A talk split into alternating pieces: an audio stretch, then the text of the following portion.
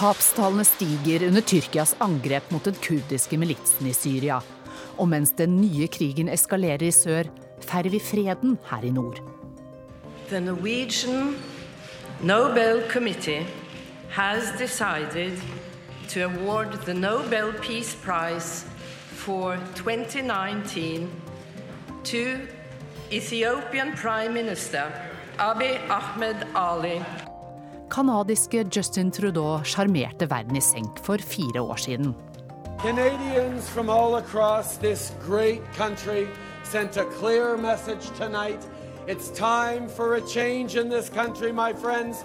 Nå kjemper verdens nest kjekkeste statsleder for statsministerjobben. Slik er verden i dag. Du hører på Urix på lørdag. Bli med den neste timen, så forstår du hvorfor alt dette skjer. Vi begynner i Tyrkia, for det tyrkiske forsvaret sier i dag at de har drept 415 kurdiske soldater siden de gikk inn i Syria for fire dager siden. FN forteller at 100 000 mennesker er på flukt pga. kamphandlingene. Og korrespondent Sissel Wold, vi så og hørte deg rapportere fra grenseområdet mellom Tyrkia og Syria for knapt et døgn siden. Nå er du med fra Istanbul. Hva er den siste utviklingen i denne ennå så ferske krigen? Ja, nå på morgenen så har Tyrkia intensivert eh, kampene. Og det dreier seg mest om eh, den syriske grensebyen Ras al-Ain. Den ligger helt inntil en tyrkisk eh, by som heter Jaylan Pinar. Dette var tidligere én by før man strakk grensene. I denne byen, som kurderne kontrollerer, så kjempet YPG-militsen ned jihadister, spesielt al-Nusra-fronten. Og nå prøver da tyrkerne å få kontroll over denne byen. Men ellers så er det oppsiktsvekkende at USA og Tyrkia krangler om hvorvidt tyrkiske styrker skjøt bevisst mot en amerikansk observasjonsstilling like ved byen Kobani i går. Eh, Tyrkias forsvarsminister Holusi Akar sier at nei, vi gjengjeldte bare inn ild etter at YPG hadde skutt mot en tyrkisk politistasjon. Og tyrkerne sier at de passet nøye på å ikke skade den amerikanske posisjonen. Og de sluttet å skyte da amerikanerne tok kontakt med dem. Men fra Pentagon er man ikke helt overbevist, og de sier at eh, USA kommer til å møte aggresjon, da tyrkisk aggresjon, med umiddelbar handling for å forsvare amerikanske eh, soldater. Det er også to Nato-allierte vi snakker om her. Det har jo også kommet eh, reaksjoner internasjonalt, men eh, hvordan reagerer eh, Tyrkias Erdogan på, på de? Ja, Erdogan sier at han ikke vil stanse operasjonen, uansett hva andre måtte si. Jeg ser at en kjent kommentator her i Tyrkia skriver at at Tyrkia hadde et inntrykk av at reaksjonene ikke ville bli så sterke fra Europa før operasjonen tok til. Kanskje er man overrasket over at uh, reaksjonene er så vidt harde. Men uh, tyrkerne står på sitt, og Erdogan og Trump skal etter avtalen møtes 13.11. i Washington. Det som kanskje er mer overraskende, er at Erdogan får full støtte fra Pakistans statsminister Imran Khan, og de skal møtes i slutten av måneden. Og så skal Den arabiske liga holde et hastemøte i dag. Hva er det forventet skal eh, komme ut av det? Ja, Den arabiske ligaen har tidligere vært veldig bekymret for at denne tyrkiske invasjonen eh, kan skape kaos eh, blant IS-krigere. Og vi har jo sett at flere IS-krigere nå har rømt fra fengsler. Og at IS tok på seg ansvaret for en eksplosjon i Kamsli i Nord-Syria i går. Så dette er et tema for den arabiske ligaens møte. Men den arabiske ligaen pleier jo veldig ofte å være uenig med seg selv, så vi får se hva som kommer ut av dette møtet. Takk skal du ha, Sissel Wold, med oss der fra Istanbul. Og det er altså fjerde dagen siden Tyrkia invaderte Syria. Og til tross, tross for at mange av landets allierte kritiserer dette på, forsøket på å knuse de kurdiske styrkene, fordi de har vært eh, spydspissen i kampen mot IS, så, så når ikke det fram. Og utenriksmedarbeider Gro Holm har mer om den tyrkiske offensiven.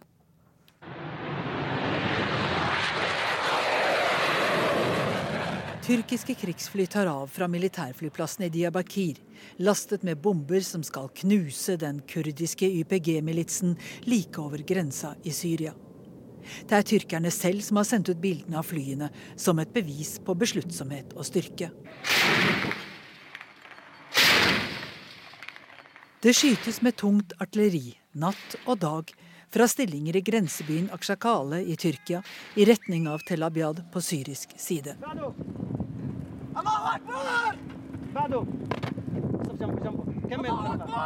Men kanskje noe av det mest ydmykende for krudderne er disse syrisk-arabiske soldatene som roper Allah akbar, Gud er stor, idet de stuper gjennom en brennende ring for å trene seg på kamp mot dem som tidligere var allierte i kampen mot IS.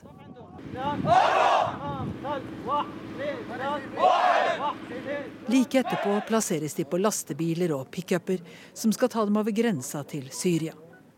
De skal fordrive kurderne, slik at det blir plass til en god porsjon av de rundt tre millioner syriske flyktningene i Tyrkia. En kurdisk kvinne fortviler. En i hennes familie er blant de første ofrene. Hun sitter i sykehuskorridoren og venter på nytt fra legene. Den kurdiske reporteren løper mellom blodflekkene i gata og forsøker å beskrive det som skjer, til lyden av artillerinedslag noen kvartaler bortenfor. De som kan, har allerede flyktet. Titusener av kurdere er på vei østover i retning av Irak. Det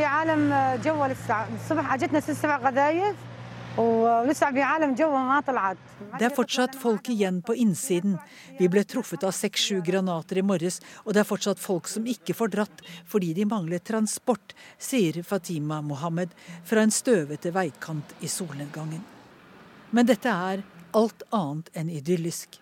Dette er kurdere som i årevis har betalt en høy pris for å være USAs og Nato-landenes bakkestyrker mot IS. Nå flykter de fra Nato-landet Tyrkia. Güvenliğin bölünmezliği ilkesi çerçevesinde müttefiklerimizin de bizimle dayanışma sergilemesi Tyrkias utenriksminister Mevlut Çavusoglu sier at han forventer at Tyrkias allierte viser solidaritet. Det er ikke nok å si at vi forstår Tyrkias legitime bekymringer. Vi vil se den solidariteten klart og tydelig komme til uttrykk, sa Chavosoglu under en felles pressekonferanse med Natos generalsekretær Jens Stoltenberg i Istanbul i går. Stoltenberg er i knipe. Nato-landet USA har bidratt til situasjonen ved plutselig å trekke seg ut av Nord-Syria denne uka. Men ingen Nato-land støtter det Tyrkia nå gjør. While Turkey has legitimate security concerns, I expect Turkey to act with restraint. We have a common enemy, Daesh. A few years ago, they controlled significant territory in Iraq and in Syria. Selv om Tyrkia har legitime sikkerhetsbekymringer, forventer jeg at Tyrkia viser tilbakeholdenhet. Vi har en felles fiende, Daesh eller IS, som kontrollerte store områder i Irak og Syria for noen få år siden. Vi må ikke ødelegge det vi oppnådde da vi frigjorde disse områdene og millioner av mennesker, sa Natos generalsekretær med Tyrkias utenriksminister ved sin side. Men operasjon Fredskilde fortsetter, i lufta og på bakken. For Tyrkia mener at dette er deres sjanse til å rydde grenseområdene for det som i deres språkbruk er kurdiske terrorister, og minst like farlige som IS.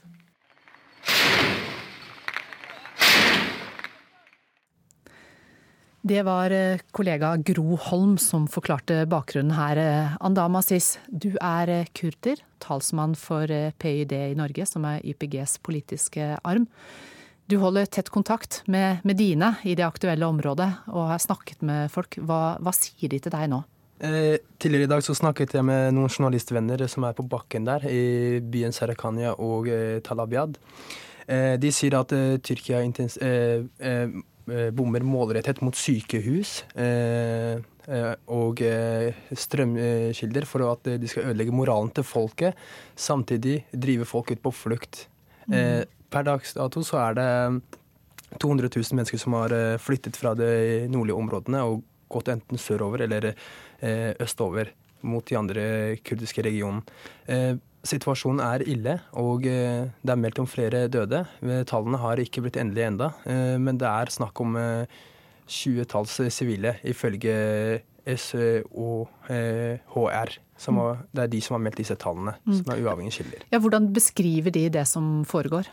Eh, de kurderne som er på bakken der, de føler seg dolket i ryggen. Og eh, de føler at eh, de blir, de blir brukt i kampen mot IS. Og dette her er takken fra en Nato-land og fra resten av verden og det internasjonale samfunnet vender ryggen til kurderne. Og de har også sagt til meg at hvis situasjonen fortsetter slik, så kommer Nato sammen med Europa til å få en generasjon med illsinte kurdere, arabere, turkmenere som har levd sammen i åtte år i, disse, i, denne regionen. De kommer til å få radikalisere disse ungdommene i disse områdene, og de kommer aldri til å glemme dette her. At uh, USA og det internasjonale samfunnet snudde ryggen til kurderne og araberne som bekjempet IS. Mm, mm. Uh, Tyrkia sier jo de invaderer for å opprette en sikkerhetssone og for å slå ned på terrorister. Har du noen som helst forståelse for det? Det har jeg ikke i det hele tatt. De som eh, kontrollerer disse områdene, er eh, det syriske eh, SDF. Og de består av kurdere, arabere, turkmenere, kristne. De har aldri løsnet et eneste skudd på grensen mot Tyrkia. De har ikke vært en trussel mot Tyrkia. De har kun fokusert på kampen mot IS. Det kan USA, Frankrike og de som har koalisjonen bevise at vi har kun fokusert på det, og vi har ikke vært opptatt av eh, Tyrkia i det hele tatt. Og vi har kun ønsket å beskytte oss mot eventuelt angrep fra Tyrkia, og vi ønsker ikke eh, krig. Disse lederne til PID og det kurdiske militæret har tidligere vært i Tyrkia, og de har hatt møter der. Hvorfor har de hatt møter med Tyrkia tidligere, og så blir de kalt for terrorister nå, etter å ha beseiret IS? Hva syns du om den internasjonale responsen så langt, da? Eh, den er eh, bra foreløpig, men den er ikke nok. Vi krever handling. Ord er ikke nok. Vi trenger handling. Og det gjør jo dere her i Norge i dag. Det skal være en eh, demonstrasjon her i Oslo klokken tre. Hva er det dere håper å oppnå? Eh, vi forventer det kommer eh, tusenvis av mennesker, og vi krever at den norske utenriksministeren stanser all våpen umiddelbart til Tyrkia. Samtidig legger ned sanksjoner, fordi Tyrkia bryter folkeretten og skaper uro i Midtøsten. Samtidig vil det øke til en humanitær katastrofe som gjør at hele regionen er i fare. Takk skal du ha for at eh, du kom til Urix på lørdag, Andam Asis.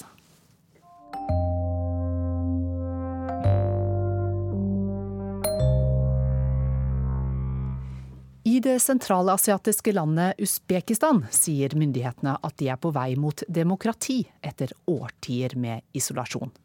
Vår korrespondent Jan Espen Kruse har besøkt det tidligere så lukkede landet. Nastajashi, uzbekski, bukharski плов. Ешьте на здоровье. Shirin Baimuradova serverer den usbekiske nasjonalretten plov til utenlandske gjester. Den består av ris, lammekjøtt og en litt hemmelig krydderblanding. Baimuradova er en av dem som utnytter den nye åpenheten i Usbekistan. I april i år åpnet hun et gjestehus i den historiske byen Bukhara. Det eneste hun angrer på, er at hun ikke gjorde dette for lenge siden. Вот этот бизнес, если я начала 10 лет Hvis jeg hadde gjort dette for ti år siden, hadde jeg hatt et hotell med tre etasjer nå, sier 62-åringen. Hun ble pensjonist for tre år siden, etter å ha arbeidet i over 30 år som lege i ambulansetjenesten. Baimuradova sier at hun fint klarer å betale tilbake lånet som hun måtte ta for å starte virksomheten, for de utenlandske turistene betaler godt for seg. Они очень довольны. Да. Turistene kommer fra mange land, og de er veldig godt fornøyd med overnattingen og servicen hos meg, sier Baimuradova. De fleste turistene sier at de gjerne kommer tilbake igjen, påpeker den entusiastiske forretningskvinnen.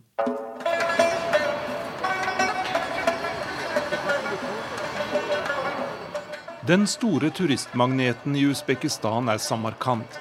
Denne historiske byen var et viktig stoppested på Silkeveien mellom Kina og Europa. På 1200-tallet og utover ble det bygd storslåtte madrassaer eller religiøse skoler, i tillegg til moskeer og gravmonumenter. Bygningene er som tatt ut av 1001 natt'. De er dekorert med mosaikk som gir et utrolig fargespill. Turistene er dypt imponert. Dette er helt fantastisk. Skjønnheten er bevart selv om bygningene er svært gamle. Jeg finner nesten ikke ord, sier denne unge kvinnen fra Italia. En annen gruppe turister har kommet helt fra New Zealand for å beundre Samarkand. Et svensk ektepar har reist på egen hånd til Usbekistan og synes det er flott å kunne rusle rundt og nyte det hele uten å stå i kø eller bli tråkket ned av store mengder andre turister. Det er klart at det er synd om det blir altfor for mye turister så det blir lange køer inn og sånt der. Nå kjennes det jo veldig förmånlig å kunne se det på dette viset. Uzbekistan полностью перешел на свободную конвертацию национальной валюты. Den nåværende presidenten Shavkat Mirziyayev ble valgt for nesten tre år siden, praktisk talt uten konkurranse. Etter årtier med isolasjon har han overrasket mange med å åpne opp Usbekistan noe og foreslått enkelte demokratiske reformer. Mirziyayev vil at utviklingen av turistindustrien skal være selve motoren i de økonomiske reformene, og han oppfordrer utenlandske investorer til å komme til landet. Tidligere i år ble det bestemt at turister fra Norge og en lang rekke andre land ikke lenger trenger visum for å reise til Usbekistan. This is a country which wants to live like in Europe, but it has to learn its way how. Dette er et land som ønsker å leve slik som man gjør i Europa, men det må lære seg hvordan det skal komme dit. Det sier EUs ambassadør i Tashkent, Edwards Stiprais. Han understreker at den forrige presidenten dominerte landet fullstendig i årtier, og at det er langt igjen til makten blir fordelt på domstoler og parlament, slik det er i demokratiske samfunn. Men EUs utsending mener at Usbekistan er på riktig vei. Andre er mer skeptiske вся власть, которая сейчас есть, это все те же самые люди, которые были при Каримове. Myndighetene som finnes nå er de samme som fantes under den forrige lederen, sier den uavhengige journalisten Timur Karpov. Han er født og oppvokst i Tasjkent, og sier det er naivt å tro at disse lederne, som er kjent for å være gjennomkorrupte, plutselig blir liberale demokrater bare man knipser med fingrene. Problemet med det er flott at de nye myndighetene har sluppet fri en del politiske fanger, men det finnes fortsatt tusenvis som er innesperret for sine politiske meninger eller for sin religiøse tro, påpeker journalisten. Han mener at landets ledere først og fremst åpner opp Usbekistan for å få inn utenlandsk kapital, fordi det ligger mye lettjente penger i å øke antallet turister. De nåværende myndighetene har ingen planer om å dele den politiske makten med noen, hevder Karpov afraid of camera. Why are you afraid? Shame. Utenfor det juridiske fakultetet ved universitetet i Tashkent forsøker vi å få noen av studentene til å snakke om det som skjer i landet. Det er ikke så enkelt. En sier at han er redd for kameraer, en annen at han ikke vet hva han skal svare. Men plutselig kommer en talefør ung kvinne. Vår president gjør alt han kan for å utvikle turismen, for å bygge veier og bedre folks liv, sier jusstudent Mulisa Urimbayeva. Hun er glad for endringene i landet, og for at Usbekistan åpner seg opp for omverdenen. Men hva synes hun så om at det ikke finnes reelle opposisjonspartier i parlamentet? Jeg håper at vi ikke får noen opposisjonspartier. De vil bare gjøre det vanskeligere for presidenten å gjennomføre politikken han fører til folkets beste, sier den unge jusstudenten i Usbekistans hovedstad.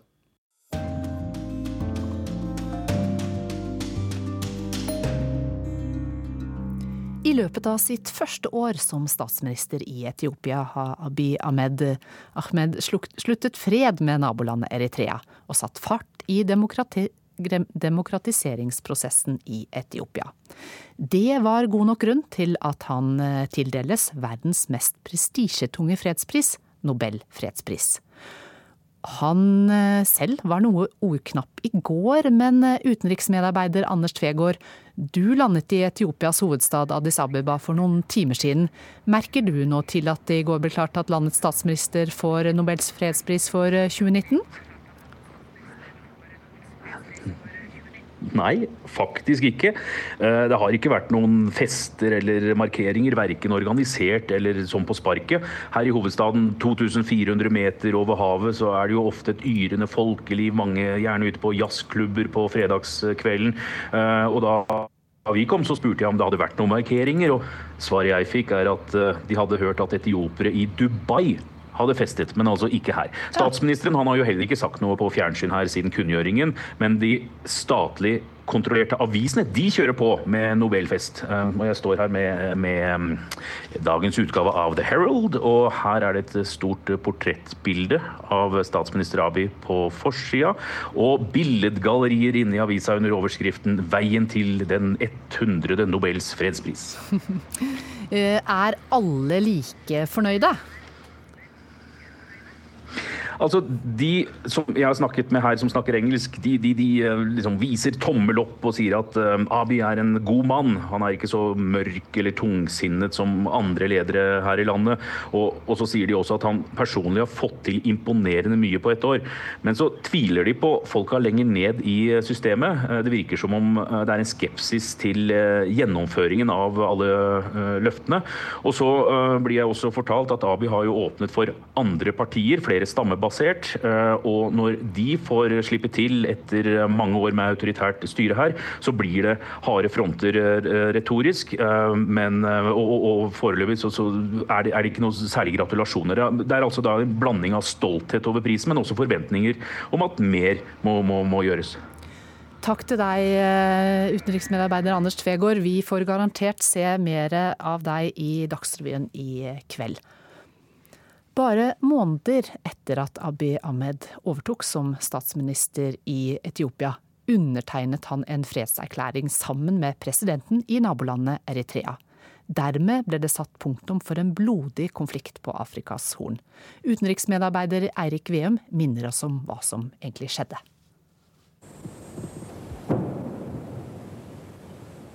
Videoopptaket er flere år gammelt, men det forteller alt om hvordan det var i grenseområdet mellom Etiopia og Eritrea. Fotografen kom noen timer etter at kampene var over. En etiopisk styrke hadde rykket frem mot noen skyttergraver. Der drepte de sine fiender før de trakk seg tilbake igjen. På opptaket kan vi se fluer som surrer rundt likene nede i skyttergravene. Der er det blod, sand og støv. De døde ligger slik de falt. Det er mulig å se noen av ansiktene.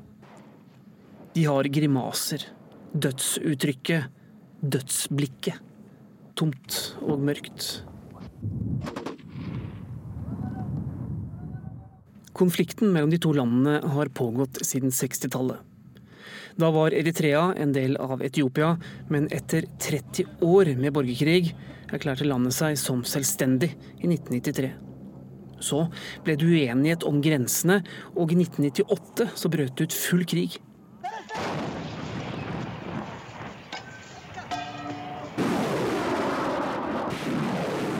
Det ble en stillingskrig i skyttergravene. Avdelinger rykket litt frem, trakk seg tilbake og rykket litt frem igjen hver eneste gang med enorme tap. Ingen vet hvor mange som ble drept. Noen sier det er titusener, andre mener det kan være hundretusener. Bildene som kom inn fra de internasjonale byråene, gjør inntrykk selv i dag. Sløsingen med menneskeliv var utrolig. Mellom slagene satt soldater og spiste mat mellom likhaugene. Etter et par år med krig ble det våpenhvile, men det ble aldri enighet. Det er først nå at det er kommet til en skikkelig fredsavtale. Det er en av grunnene til at Abiy Ahmed har fått fredsprisen. I tillegg har han satt i gang viktige reformer i Etiopia. Demokratiet er styrket, pressesensuren er avviklet, og han har ryddet opp i korrupsjonen. Den tidligere etterretningsoffiseren har vist at han vil noe.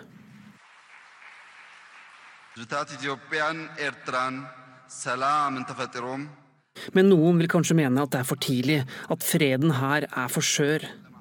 En fredspris skal være motiverende, men i år var det bare én av partene som fikk den. Hvilke konsekvenser kan det få? Ja, Hvilke konsekvenser det kan få, det skal vi straks komme tilbake til. Men eh, Øyvind Odland, du har de siste tre årene hatt oppdrag på vegne av Utenriksdepartementet i freds- og reformprosessen i Etiopia. Du har bodd i landet, forsket på det, og ettersom jeg har forstått, så kjenner du alle som er nå i, i dette landet. Hva var din umiddelbare respons når du hørte om eh, fredsprisen? Selvsagt så vil jeg melde meg på alle de som gratulerer og gleder seg over at Etiopia nå blir på denne måten satt i sentrum i forhold til fred. Men eh, jeg er også eh, så realistisk at jeg tror Anders Tvegårds reportasje nå i dette programmet sier litt om at man tar det litt rolig, fordi man vet at det er veldig, veldig mange utfordringer som Abi må forholde seg til. Så jeg er fantastisk glad og stolt over at Etiopia nå har kommet i fokus på en positiv måte. Men samtidig så ser jeg at det er veldig store utfordringer for at dette skal bli bærekraftig fred. Som vi hørte, så, så, snakket man eh, jo i den reportasjen om en asymmetrisk pris. For det er jo bare den ene parten som får fredsprisen. Hvilke konsekvenser eh, kan det få, tror du, Odland? Eh, nå må jeg si at jeg er ikke like godt inne i eritreisk politikk som jeg er i etiopisk politikk. Men jeg er veldig enig i at det er asymmetrisk. Og det er helt klart at den reformbevegelsen som vi opplever i Etiopia, den finner ikke sted i Eritrea. Der har det vært et totalitært styre, og er fortsatt det. Og det er klart at for å si det litt enkelt, jeg tror at nettopp fiendskap med Etiopia har vært noe som har gjort det mulig for Afiorki å på en måte være noe samlende, altså felles fiende. Eh, har, har, på en måte vært noe av grunnlaget for hans totalitære og autoritære styreform i Eritrea. Og så Samtidig så har vi altså Abiy sine utfordringer. For han har altså sagt at det skal avholdes valg. Det har ikke vært noe valg ennå. Er det mulig å gjennomføre dette på, på det vi ser på som demokratisk vis? Altså, jeg, er, eh, for, jeg har lyst til å si det at jeg tror at uh, doktor dr. Abi, som de kaller han i Etiopia, har uh, store visjoner. Han er ambisiøs, og han ønsker å gjennomføre en demokratisering, og at Etiopia skal være et godt land å bo i. Men, men dette med valg og frie valg i et land som ikke hadde tradisjoner for dette Og som har 100 millioner innbyggere? Akkurat. og Derfor er logistikken i seg selv utrolig utfordrende. Og Det har vært en diskusjon om man skulle prøve å identifisere seg med biometrisk eh, identitet. Det har man nå gått bort ifra. Og så skal man da ha garantister for at de som står på valglistene er legitime velgere. Og i et veldig stort land med veldig lange avstander, så er det rent logistisk veldig utfordrende.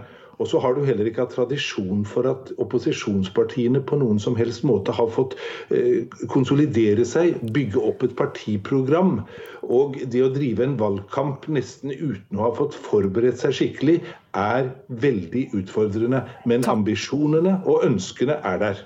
Da er det tydelig at du krysser fingrene og kanskje holder litt pusten også. Øyvind Odland, takk skal du ha.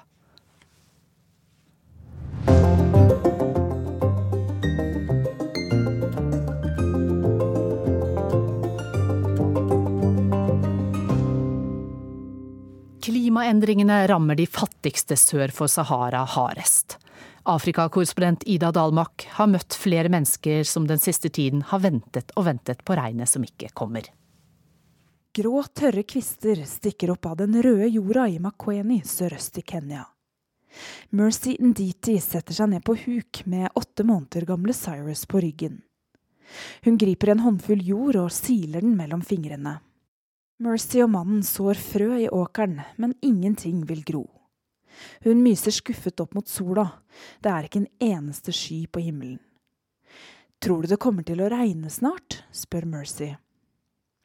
Hun bor i et av de landene i Afrika som forventes å bli hardest rammet av matmangel i år. Jeg følger henne ned til en liten dam der hun skal hente vann til den tomme jordflekken. Det er nærmere 40 varmegrader og lufta står stille. Litt etter litt fordampes gjørmevannet langs kanten av dammen og blir til leire. Jeg har glemt caps, og sola står i senit. Svetten renner, og hodet føles lettere kokt. Nå får jeg solstikk, tenker jeg. Midt i overopphetelsen slår det meg at jeg ikke har så mye å klage over. For etter opptakene skal jeg sette meg i en bil med aircondition og kjøre til Nairobi. Der har jeg fullt kjøleskap og vann i springen. Jeg trenger ikke sette frø i jorda for å bli mett, og jeg har ingen åtte måneder gammel baby som er sulten. Mercy begynner å fylle en gul kanne med grumsete vann. Hun sier at hun ikke vet hvordan familien skal overleve flere lange tørkeperioder. Den lille guttebabyen stirrer leken på meg før han gjemmer ansiktet i sjalet han sitter i på morens rygg. Så titter han fram igjen og smiler, og en liten tann kommer til syne mellom bollekinnene. Mens jeg står der og smiler til Cyrus, så får jeg lyst til å si at tørken og klimakrisa, den er snart over, men det ville være en løgn. Samtidig så er virkeligheten så brutal for denne tenåringsjenta og barnet hennes at jeg har ikke lyst til å snakke om realitetene heller. Forskerne har jo ikke akkurat tro på at klimakrisa forsvinner med det første. Jeg tørker svetten av pannen og lurer på hva jeg skal svare. Mercy betyr barmhjertighet, men hun er heller utsatt for det motsatte. For verden har vist seg å være ubarmhjertig når det gjelder hvem som er rammet av tørke i verden. Klimaendringene rammer de aller fattigste sør for Sahara hardest, selv om de ikke bidrar som verdens i-land til klimakrisen. Forskerne hevder at utslipp i Vesten påvirker de alvorlige tørkeperiodene som rammer regionen. Og tall fra FN viser at 45 millioner i det østlige og sørlige Afrika vil bli rammet av matmangel pga. langvarig tørke i år. Somalia er hardest rammet av klimakrisa, og det er det landet i verden som er dårligst stilt til å håndtere den. Flere tiår med borgerkrig har ført til forvitring av infrastruktur. De siste årene har det vært lange perioder med tørke. Over 5,4 millioner mennesker er truet av sult i månedene som kommer, ifølge FN. Flere er døde som følge av tørken i Somalia, og humanitære organisasjoner forsøker nå å unngå en sultkatastrofe. I Baidoa sørvest i Somalia humper en krokete gammel mann seg av gårde mot teltet sitt i en leir for mennesker som har måttet forlate hjemmene sine. Han er 91 år og støtter de to stive beina med en trestokk. Mannen er blant 2,6 millioner internt fordrevne i Somalia som følge av tørke. Han er vant til tørkeperioder, men før pleide de å komme mellom hvert tiende og femtende år. Og nå kommer de hvert andre år. Han forteller til Al-Shazira at det er umulig å hente seg inn og dyrke nok mat før tørken inntreffer igjen. Området rundt teltleiren består av sand, jord og tørre greiner uten blader. Avmagrede geiter leter etter noe å spise. Store deler av flokken er borte, og de som har overlevd, produserer ikke melk lenger. Og nå lurer menneskene her på om husdyrene kan overleve enda en slik periode. De spør seg om regnet som har pleid å falle til samme tid hvert år, vil komme tilbake. I nabolandet Kenya flommer vannet ut fra et rør i åkeren til bonde Muthiani Ndunda. Fotograf Robert Lutta og jeg må stadig hoppe til en ny haug med jord for å holde oss tørre på beina. Muthiani fordeler vannet utover åkeren sin med en hakke. Kontrasten til den tomme, tørre åkeren til Mercy er stor. Hos Muthiani spirer det små paprikaplanter i våt jord. Muthiani forteller oss at han er blant de heldige bøndene i området som har fått tilgang til en generator som pumper vann fra en demning opp i åkeren. I Makweni er flere prosjekter satt i gang for å hjelpe bønder som sliter som følge av klimaendringer. Demningen som bonden får vann fra, samler på regnvann som kan brukes av 2500 mennesker i området. Oppe i åsen lyser en irrgrønn oase opp i det karrige landskapet. Her dyrker en annen bonde papaya, bananer og mango. Bøndene som har tilgang til vannpumpe, forteller at de tjener mer, de har bedre tilgang til mat, og de har færre konflikter seg imellom om hvem som har rett på vann i området. Det gjøres mye for å hjelpe de som er rammet av tørke, og noen ganger skal det altså ikke mer til enn en vannpumpe for å bedre bøndenes liv. Likevel er det fortsatt mange som ikke har tilgang til slik teknologi, og da blir det vanskelig å dyrke noe som helst. Mercy har verken vannpumpe eller noen oase av frukt og grønt. Nå er vanndunken hennes i det minste i ferd med å fylles opp. Fotografen gir henne noe for tiden hun har tilbrakt sammen med oss i stedet for å jobbe på gården. Det monner nok ikke i det store og det hele, akkurat sånn som det lille regnvannet ikke er nok til å brødfø en familie.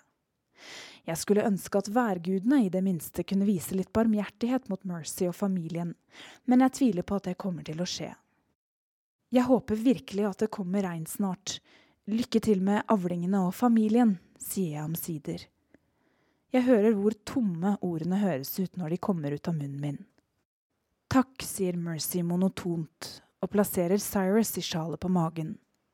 Hun løfter den gule plastdunken opp på ryggen og går opp den bratte bakken mot huset.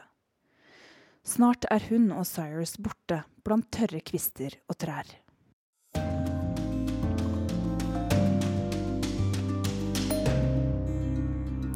I ukas podkast skal du få høre at verdens nest kjekkeste statsleder sliter med sjarmen og slåss for statsministerjobben sin. Canada er et land vi ganske sjelden hører noe om. Enda de har en veldig kjekk statsminister. Justin Trudeau, som sjarmerte verden i senk for fire år siden. Og det gjorde han med kvinnesak og klimakamp og kule sokker og et fast håndtrykk og et sånt veldig fint filmstjernesmil. Men nå går det liksom litt tråere.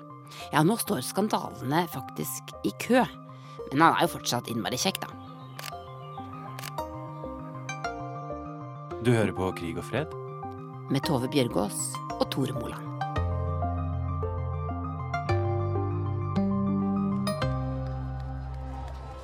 Canadians, Canadians from all across this great country sent a clear message tonight. It's time for a change in this country, my friends, a real change. Rita Abrahamsen, fortell oss om Justin Trudeau, som på sett og vis tok verden med storm for fire år siden. Ja, Justin Trudeau. Alle var jo helt uh, mer eller mindre forelska i Justin Trudeau når han først kom til makta i 2015. Og, og, på mange måter så må man jo uh, si at Justin var um, breath of fresh air. Han var frisk pust. Uh, han kom til makta etter Stephen Harper, som hadde vært en ganske sånn der høyreorientert statsminister som var ganske stiv i sin politiske form, mens Justin Trudeau kom inn og skulle gjøre ting annerledes. Han var kan du si, historisk uheldig med at resten av verden på samme tida gikk mer eller mindre i motsatt retning og for mer og mer høyrepopulisme. Mens Justin Trudeau var, og er fortsatt, selverklært feminist.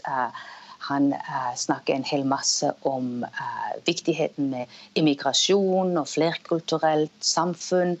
Han er på en måte uh, motsatt av det som man ser i mange andre land. Og det har gjort det ganske vanskelig for han i Canada på mange måter. Hei, mitt navn er Rita Abrahamsen. Jeg er professor på Universitetet i Ottawa i en Graduate School of Public and International Affairs. Og på norsk blir det en professor i statsvitenskap omtrent, eller? På norsk så blir det professor i statsvitenskap med en spesialisering i afrikansk politikk. Ja, og ikke en spesialisering i canadisk politikk, som er det vi skal snakke om her. Nei, da blir jeg bare en helt vanlig eh, observatør. Og det er kanskje det vi liker aller best. Hvordan ser canadisk politikk ut for deg, som en norsk observatør som har bodd lenge i Canada? Det er jo et interessant land, og på mange, måter så er det ganske likt Norge. Det er et uh, fredelig land, uh, veldig hyggelige mennesker. Kanskje ikke alltid så veldig uh, politisk engasjerte mennesker. men jeg tror det som kanskje er den største forskjellen for, fra Norge, er at dette er et utrolig stort land. man kan ta hele Europa, nesten hele Europa, og putte det inn i Canada, og da er det ennå litt rom igjen. sånn at det store landet det, det, preger politikken ganske mye nå når vi har en valgkamp. Så den norske sentrum-periferi-debatten den blir eh, småtterier sammenlignet med den canadiske? Det tror jeg nok. Så må man også huske at uh, den uh, provinsen som heter Quebec, der er det i stort sett fransktalende. Så der snakker man fransk, mens resten av Canada snakker stort sett engelsk. Så det er en annen stor forskjell. Og sentrum, periferi. Men ikke bare periferi, men en følelse av å være kan man si, annerledes. og at man identifiserer seg med å ikke være fra Toronto, eller ikke være fra Ottawa. Som er der det politiske tyngdepunktet ligger, på mange måter? Ja, absolutt. absolutt. Og de økonomiske tyngdepunktet. Så nevnte du denne forelskelsen nærmest eh, i Justin Trudeau. Har eh, forelskelsen gått over nå? Den har nok litt det. Den har nok litt. Um, det, det, er vanskelig å, være populær når du har makt. det tror jeg er alle steder. Og Justin Trudeau kom til makta med veldig store forventninger. Og veldig eh, store erklæringer om, om, at man skulle gjøre politikk annerledes. Det var liksom uh, en solskinnshistorie. Her så kaller man ofte Justin Trudeau uh, 'sunny ways'. Så altså en som er um, solskinn og glede og happiness.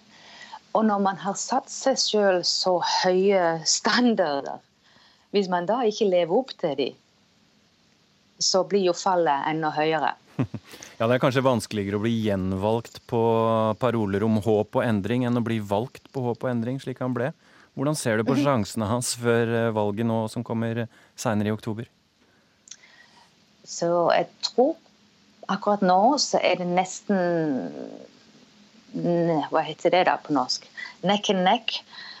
Jeg tror det er 50-50 sjanse at han blir gjenvalgt. Trudeau, more the devout Catholic and proud father today than Prime Minister, waits to be ushered in for an audience with Pope John Paul. Året er 1980, og Canadas statsminister Pierre Trudeau venter på audiens hos paven i Vatikanet. His eldest son Justin had come with him to receive a papal blessing. Ved siden av ham står en søt guttunge på åtte. Bonjour.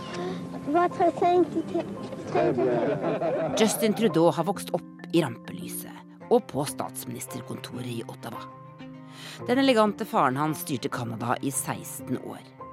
Den mye yngre moren hans hadde seg visstnok med flere av gutta i Rolling Stones, smuglet narkotika i statsministerens bagasje og mistet til slutt foreldreretten. Ja, det er, jo, det er, jo, interessant å tenke på. Han var jo egentlig selvfølgelig veldig kjent pga. etternavnet sitt og den berømte faren sin.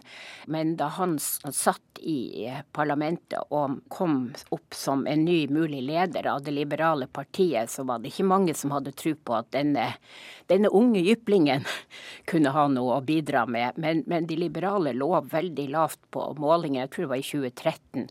Og de lå veldig lavt, og det hadde vært diverse skandaler, og 'The Liberal Party's dead and gone', så er overskrift. Og, og sånn. Men så kom han da, og jeg var faktisk i Canada i 2015 da valgkampen begynte, og, og da lå jo de liberale eh, langt under. Jeg heter Gerd Bjørhovde, bor i Tromsø. Har vært professor i engelsk litteratur ved Universitetet i Tromsø i mange år nå pensjonist, og har vært spesielt opptatt av Canada i mange år. Ja, altså Jeg antyda jo dette med hans familiebakgrunn. Så hans far, Pierre Trudeau, eh, han hadde vært statsminister i, i, nesten i ett fra slutten av 60-tallet til midten av 80-tallet. Han var ute en kort periode, men han var virkelig med på å forme det nye Canada eh, på mange måter. Han var veldig populær, men han var også veldig omstridt. Han var, eh, han, ja, han var faktisk en internasjonal stjerne som omgikkes Hollywood-stjerner osv. Så, og sånn, så litt sånn skandaler assosiert med det. Trudeau-familien ble en veldig eh, markant familie eh, i Canada og i resten av verden.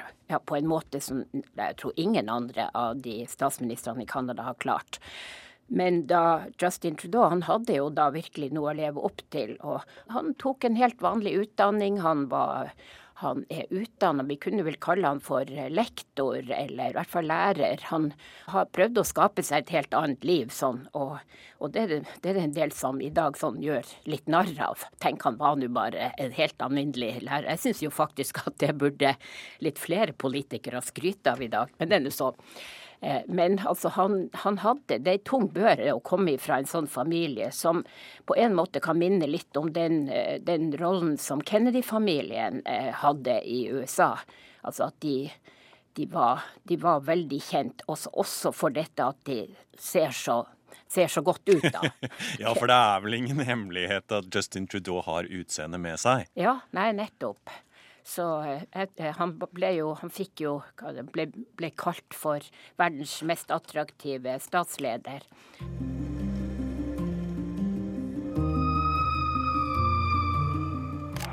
Verdens nest kjekkeste statsleder. Justin Trudeau må faktisk se seg slått av den spanske smukkasen Pedro Sánchez. Slik lyder i alle fall dommen fra den kanskje ikke helt seriøse nettsiden hottestheadsofstate.com. Skjebnen vil at begge disse statsministrene slåss for gjenvalg i høst. Og om du ble litt nysgjerrig på pene statsledere nå På plassene bak følger kongen av Bhutan, som ser ut som en slags asiatisk Elvis, og Jacinda Ardern, småbarnsmoren som styrer New Zealand, og som vi har laget krig og fred om før, uten å fokusere spesielt på utseendet hennes.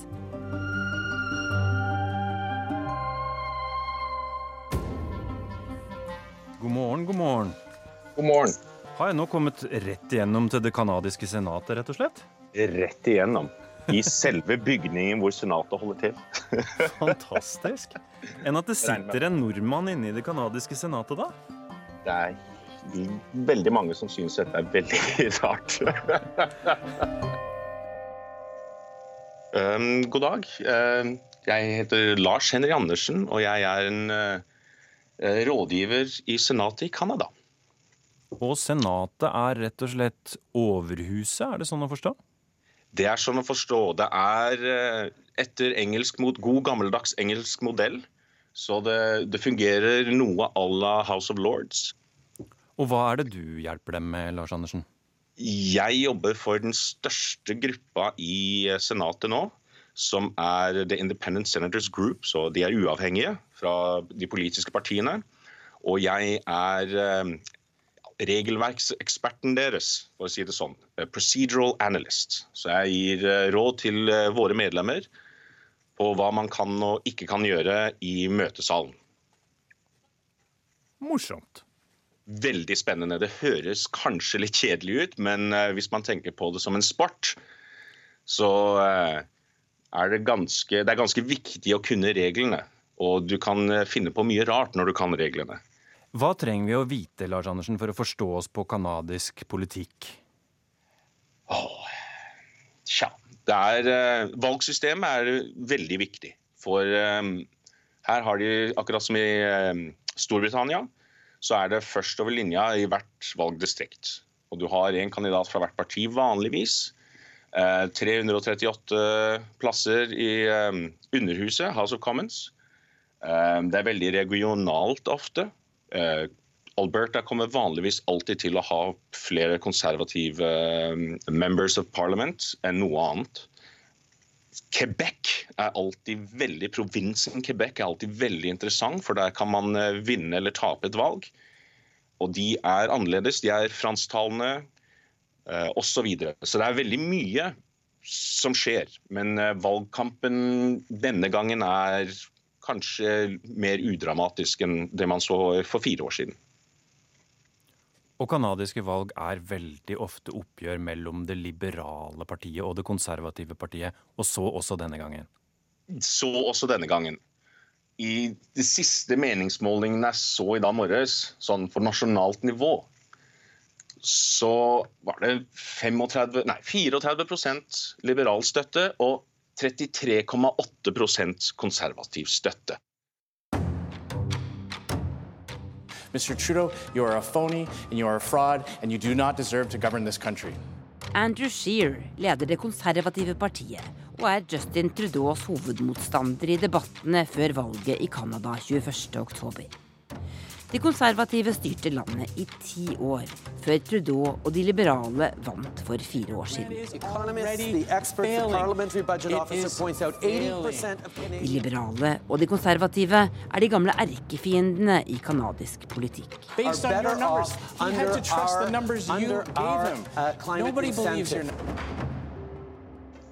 Hvor forskjellige er disse to partiene da, det liberale og det konservative partiet? Ja, altså nå jeg håper ikke jeg fornærmer noen canadiere som hører på. noen lyttere som er fra Canada. Um, men fra mitt ståsted, og nå kan jo ikke jeg velge, jeg, kan, jeg har ikke stemmerett, for jeg er norsk. Men fra mitt ståsted så er det veldig lite forskjell.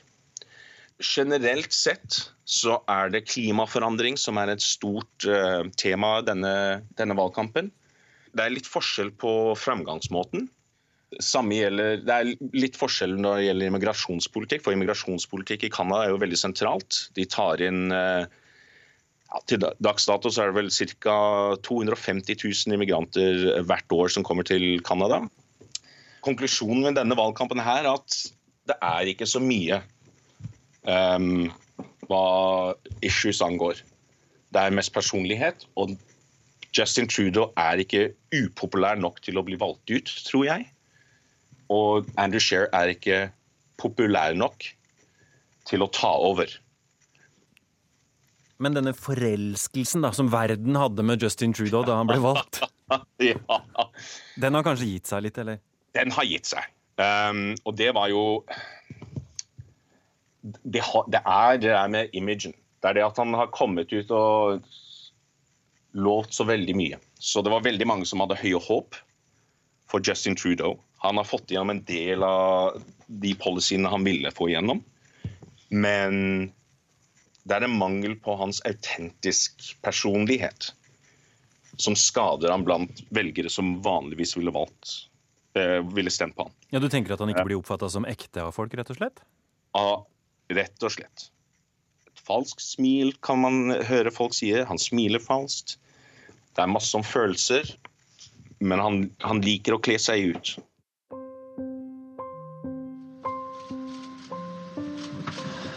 When I was a teacher out in Vancouver, I attended an end of year gala where the theme was Arabian Nights. And I uh, dressed up in an Aladdin costume and put makeup on. Det var maskeradeball på skolen der jeg jobba, og jeg skulle kle meg ut som Aladdin fra 1001 natt. Og da sminka jeg fjeset mitt. Jeg burde ha visst bedre, sier Justin Trudeau. Uh, I uh, that we that I did that. Uh, I should have known better, uh, but I didn't. Bildene av ham med svartsminka fjes var fra 2001, men ble kjent i valgkampen nå i september. Statsministeren måtte etter hvert innrømme at han hadde opptrådt i svært politisk ukorrekt blackface mer enn én gang også. Det blir sett på som noe som er rasisme. Og at Justin Trudeau, selv om det var flere flere år siden, han skulle ha, han skulle ha visst bedre. Dette var, Jeg tror han var 27 år da han gjorde det, men han var lærer på en skole, han var fullvoksen, han skulle ha visst bedre. Justin Trudeau uh, har bedt om unnskyldning. Han har sagt jeg skammer meg for det jeg gjorde, jeg skulle ha visst bedre. Så jeg tror at de aller fleste vil si at den måten han handla det på, den måten han sa 'I'm sorry', uh, ble opplevd som uh, at han hadde forstått at han har uh, gjort noe galt, og at de aller fleste canadiere har mer eller mindre tilgitt han. Hva tror du er de viktigste sakene for folk flest når de skal bestemme hvem som skal styre Canada videre, da, Rita Abrahamsen? Sånn som i alle valg, så tror jeg det er hvor mye penger man har i lommeboka. Skatter, eh, jobber, økonomisk trygghet. Vi vet òg fra en del meningsmålinger at miljø- og klimaforandring er en av de tingene som canadierne har sagt er veldig viktig i denne valgkampen. Jeg tror det har vært viktig for canadierne å, å, å, finne en identitet og si hva det vil være å være canadisk. Men så er det vanskelig å si hva det er. Så da blir det liksom man ikke er amerikansk, Og at det å være kanadisk er å være flerkulturell. Det er å være stolt av alle de forskjellene, alle de forskjellige kulturene. Det er å være stolt av at Canada er et land av immigranter. Og det har blitt en del av identiteten, tror jeg. Og det, det også er viktig i sammenhengen med valget. Det aller viktigste for canadierne er at det skal være helt klart at de ikke er amerikanere. og det er en del av, av eh, den canadiske identiteten, vil jeg si. At uh, det er vanskelig å si hva det er å være canadisk, men man vet i alle fall at man ikke er amerikansk. Så når man, når man treffer canadiere i utlandet, så har de som regel et flagg på, uh, på jakka si eller på kofferten, sånn at man kan se at det er med en gang en canadier og ikke en amerikaner. Du har hørt Krig og fred, en podkast fra NRK Urix. Lydregien var i dag ved Lisbeth Sellereite.